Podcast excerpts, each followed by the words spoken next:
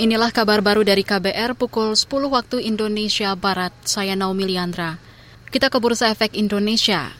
Indeks harga saham gabungan IHSG pagi ini dibuka melemah 13,12 poin atau 0,19 persen ke posisi 6.850,18.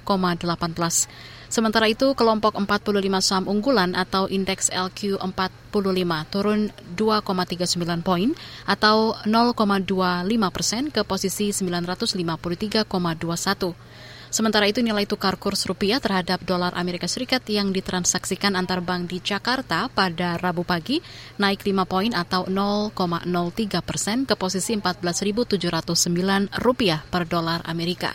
Angka ini naik dibandingkan posisi pada penutupan perdagangan sebelumnya, 14.714 rupiah per dolar Amerika. Beralih ke berita kesehatan, Perhimpunan Dokter Paru Indonesia PDPI menyebut lebih dari 12 juta orang Indonesia adalah penderita asma.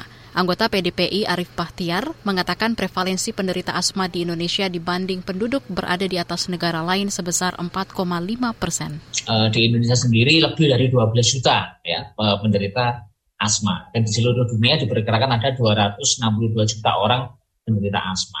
Biasanya memiliki riwayat keturunan dari orang tua pada dan asma bukan hanya pada anak-anak, tapi pada orang dewasa juga banyak. Anggota PDPI Arif Bahtiar mengatakan penyakit asma biasanya dialami oleh orang-orang yang memiliki riwayat penyakit keturunan dari orang tua yang menderita asma. Saudara setiap Selasa pertama pada Mei dunia memperingati Hari Asma. Tahun ini peringatan mengambil tema perawatan asma untuk semua. Sekretaris Jenderal Partai Keadilan Sejahtera PKS, Abu Bakar Al-Habsyi, menyebut Ahmad Heriawan layak sebagai calon wakil presiden Anies Baswedan. Abu mengatakan nama terkuat yang akan mendampingi Anies ialah Ahmad Heriawan. Dari beberapa nama itu udah mencuat satu nama itu Pak Heriawan. Kalau nama banyak, tapi yang muncul udah satu Heriawan. Tetapi kita lihat saja perjalanan ini kan berjalan dengan waktu, ya. Dengan udah adanya Pak Ganjar, nanti kita muncul lagi presiden satu lagi siapa, nah itu makin enak. Kita makin jelas peta politiknya. Ya layak saja dia bekas dua gubernur, dua kali dua periode gubernur, dan dia muda. Sekretaris Jenderal PKS Abu Bakar Al-Habsyi menegaskan partainya masih merundingkan nama yang tepat untuk bersanding dengan Anies Baswedan di Pilpres 2024. Ia juga menyebut pihaknya akan patuh dan mengikuti semua aturan-aturan yang berlaku pada Pilpres mendatang.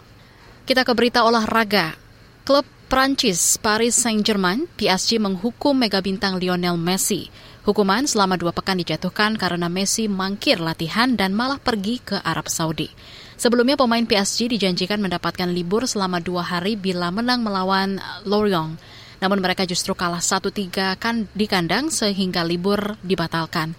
Messi sebenarnya sudah meminta izin ke PSG untuk tetap pergi ke Arab Saudi tetapi permintaannya ditolak. Penyerang Argentina berusia 35 tahun itu pergi ke negara kaya minyak itu karena menjadi duta pariwisata Arab Saudi. Saudara, demikian kabar baru dari KBR. Saya Naomi Liandra undur diri.